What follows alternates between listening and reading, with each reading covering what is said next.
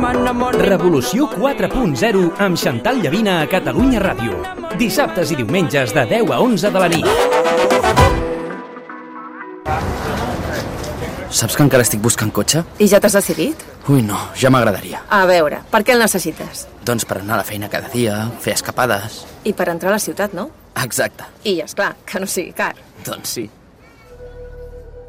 Tria Toyota CHR Hybrid amb mode elèctric, sense endolls i amb etiqueta Eco. I finança l'ara amb Toyota Paper Drive. Toyota, sempre millor. T'esperem al nostre centre oficial Toyota Teams Motor al carrer París 70 de Barcelona. Tens dubtes sobre com pots reactivar el teu negoci? La Cambra de Barcelona et vol ajudar amb assessorament i projectes adaptats a les teves necessitats. Consulta la nostra pàgina web www.cambrabcn.org o bé truca al 902 448 448 i t'ajudarem. La Cambra, sempre al servei de les empreses i autònoms. I ara més que mai, fem-vos costat. Tot em sembla si estic amb tu. Revolució 4.0 a Catalunya Ràdio amb Xantal Llavina. També som a Facebook, Twitter i Instagram. Ens trobaràs a arroba Revolució 4. Revolució 4.0 aquesta temporada. Dos dies, dissabtes i diumenges, de 10 a 11 de la nit i sempre a la web. Masterclass Becerra amb Santiago Niño Becerra. Ja som a l'estiu, cada vegada hi haurà més gent de vacances, moment esperat per molta gent després de dos estius realment atípics. Serà l'inici de la recuperació econòmica o el preludi d'una tardor complicada. Ara en parlem amb el nostre economista de capçalera. Ew, I cannot wait. I need to carry on and pick it up myself.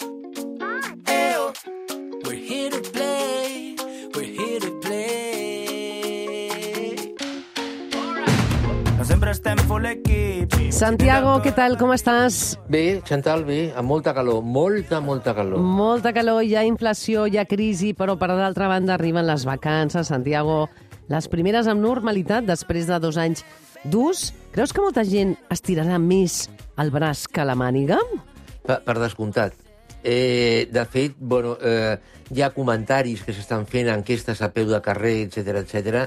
ja s'està veient que sí. I, I a la vegada això té una derivada. Eh, eh, l, l, moltes persones eh, estiraran, com tu dius, més el braç de la màniga amb una atmosfera de preus cap amunt, amb la qual la despesa, eh, en proporció, eh, serà més elevada. Eh, jo, jo crec que mm, la, la suggerència que eh, jo faria des d'aquí que mm, les persones pensin dues vegades abans, abans de gastar, de pagar un preu mm, que s'ho pensin. De moment a Mallorca pateixen, saps per què, Santiago? Mm.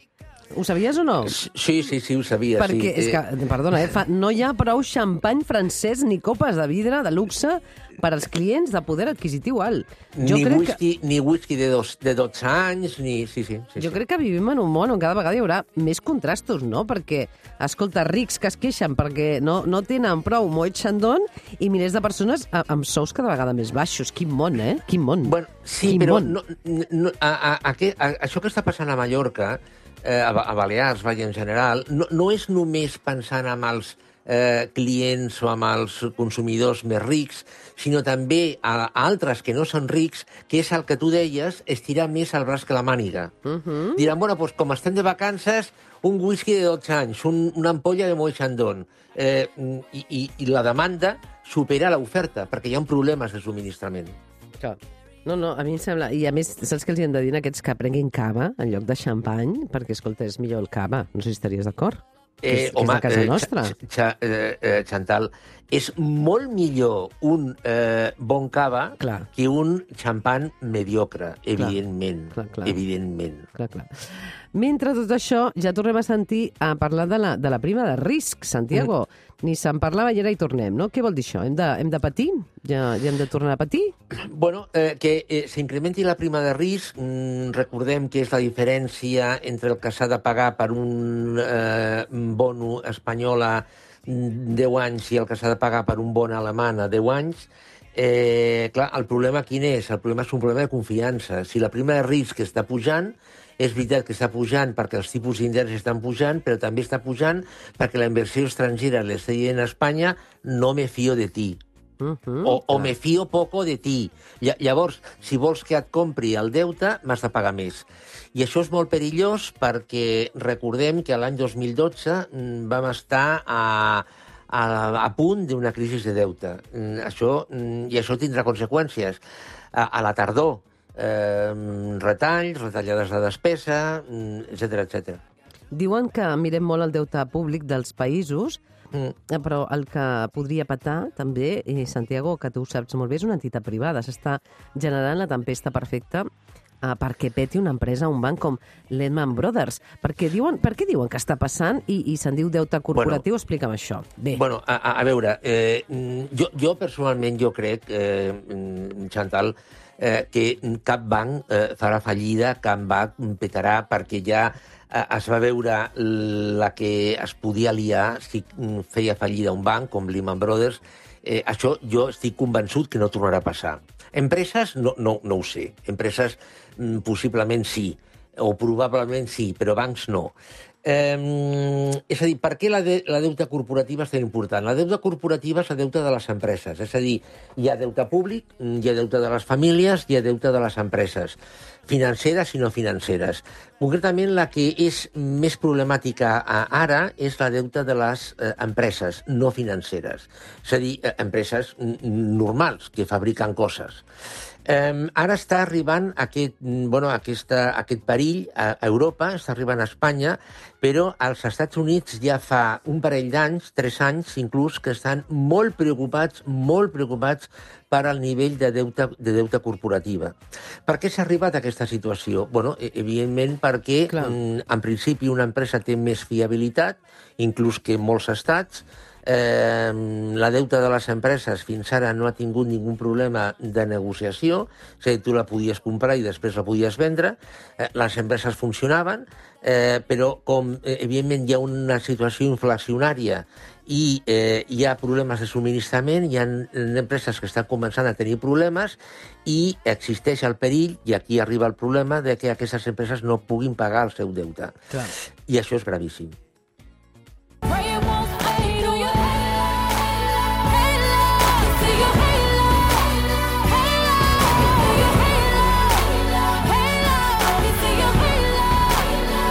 Més temes que volem parlar avui a la secció de Santiago Niño Becerra.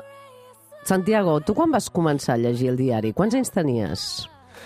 Bueno, pues jo, jo crec que sóc una rara avis, perquè jo pues, vaig començar a fullejar el diari, pues, no sé, com als 10 anys, una cosa així. Als 10 però, però, anys? sí, però és que, és que té una explicació. Quina? És a dir, el meu pare era, era, mm, és una de les, va ser una de les persones més intel·ligents que jo vaig conèixer, eh, era una persona que estava ultrainformat, eh, em feia comentaris eh, de coses que havia llegit, eh, lla- llavors jo pues, mm, fullejava, mm, la majoria de coses no les entenia, però sí, entre els 10 i 11 anys va, vaig començar a fullejar el diari. I Va ser, econo... Ara, va ser ara. economista el teu pare, també, o no? Sí, era economista, sí. Ah. I ara, si tu me'n preguntes quan de veritat va, vaig començar a aprofundir, però aprofundir de veritat, eh, amb el diari, mm, era quan estava fent segon, tercer de carrera.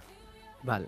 O sigui, estaves, eh, tenies 20 anys, eh, en aquell Mm, moment? Sí, 20, 20, 19, 20, sí. 20 anys. sí. T'ho pregunto, Eh, sí, sí, t'ho mm. pregunto 20 anys. Uh, per Sí. tant, un home llegit, molt llegit, el Santiago Niño Becerra.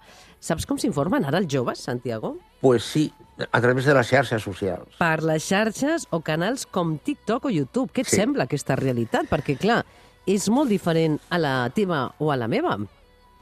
Pues em sembla molt malament, molt malament, eh, eh, Chantal, perquè si tu tens un document escrit, mm, pots eh, aprofundir, pots eh, meditar, pots eh, raonar, eh, i si estàs veient un vídeo d'un minut o estàs llegint un, un, un, quatre línies, quatre ratlles, eh, tenint en compte que hi ha molts fakes eh, a les xarxes, eh, hi ha molta brutícia, molta, eh, en fi, eh, molta deixalla, llavors això és complicat. Mm, Sobretot en, mm, en edats que la capacitat de raonament és baixa. Però és que el pitjor de tot, Chantal, és les raons que donen eh, molts nois i noies quan els hi pregunten per què no llegeixen diaris.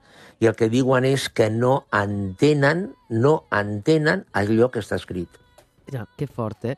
Perquè Sí. cada cop també es difumina més el periodisme i prevaldrà el missatge publicitari per tant, a les xarxes socials estan llegint molta més publicitat que periodisme. Sí, Clar. exactament. Això, això realment és, és, és molt greu. Jo, jo, en les meves classes, eh, precisament, eh, giren entorn dels de, eh, els diaris, de la, de la premsa escrita. Eh, poden, poden llegir altres coses, eh? però molt és premsa escrita, mm, que pot ser a través de web, no? però mm, diaris reconeguts, eh, és a Clar. dir, mm, eh, amb capçaleres reconegudes, sí. Uh -huh. Molt bé, per acabar, per ser abans d'acabar, mm, quan pagaries per sopar amb el financer Warren Buffett? Bueno, pues sí, ja sé per on vas. Eh, hi ha una, una persona que ha pagat 19 milions de dòlars. 19 milions de dòlars? 19 Sí. mil... la, la gent està molt malament, eh? No, està però no, boja. Chantal, no, Què? Chantal, no, Chantal, espera, Què? espera. Que O això... té- o- o té molts espera, diners. Chantal. La, la, la pers... jo, no, jo no conec eh, a aquesta persona que ha pagat 19 milions de dòlars, perquè el seu nom és... és eh, bueno, no, no s'ha dit, és anònim. Però pensa que per aquesta persona segur eh, que 19 milions de dòlars és com per tu dos euros. Uh -huh. Eh, lla- llavors, tu no pagaries dos euros per, per mm, sopar, jo què sé, potser amb el Warren Buffett no, però mm, amb, amb, amb, amb un, tu que ets periodista, amb un premi Pulitzer, no, no pagaries dos euros? Jo soparia, sí. m'agradaria sopar amb Elon Musk, a mi, però no... Amb Elon no, Musk, pues, vale. Però no, no, No- no, no no pagaries dos no, no euros pagaria. per- per sopar amb Home, Elon dos Musk? euros sí, però, però Pues ja més està. no, eh? Tu amb qui t'agradaria? Amb quin gurú, empresari o personatge mediàtic estaries disposat No, a pagar ara, una ara entre xifra? nosaltres. Amb Si jo, qui? si jo pogués, jo pagaria 19 milions de dòlars per sopar amb el Warren Buffett, i tant que sí. Tu sí, eh? I Sí, que, quina seria la primera pregunta que li faries, Santiago?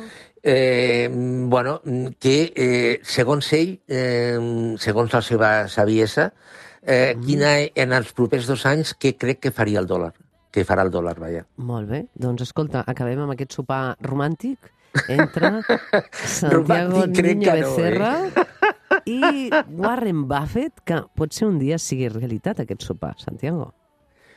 Ho, ho dubto, ho dubto. De tota manera, aclarir que aquest sopar és per obres benèfiques, eh, a Clar que l'import. sí, clar que sí. Mm. Un plaer, com sempre. Santiago Niño Becerra, gràcies. A tu, Chantal, bona nit.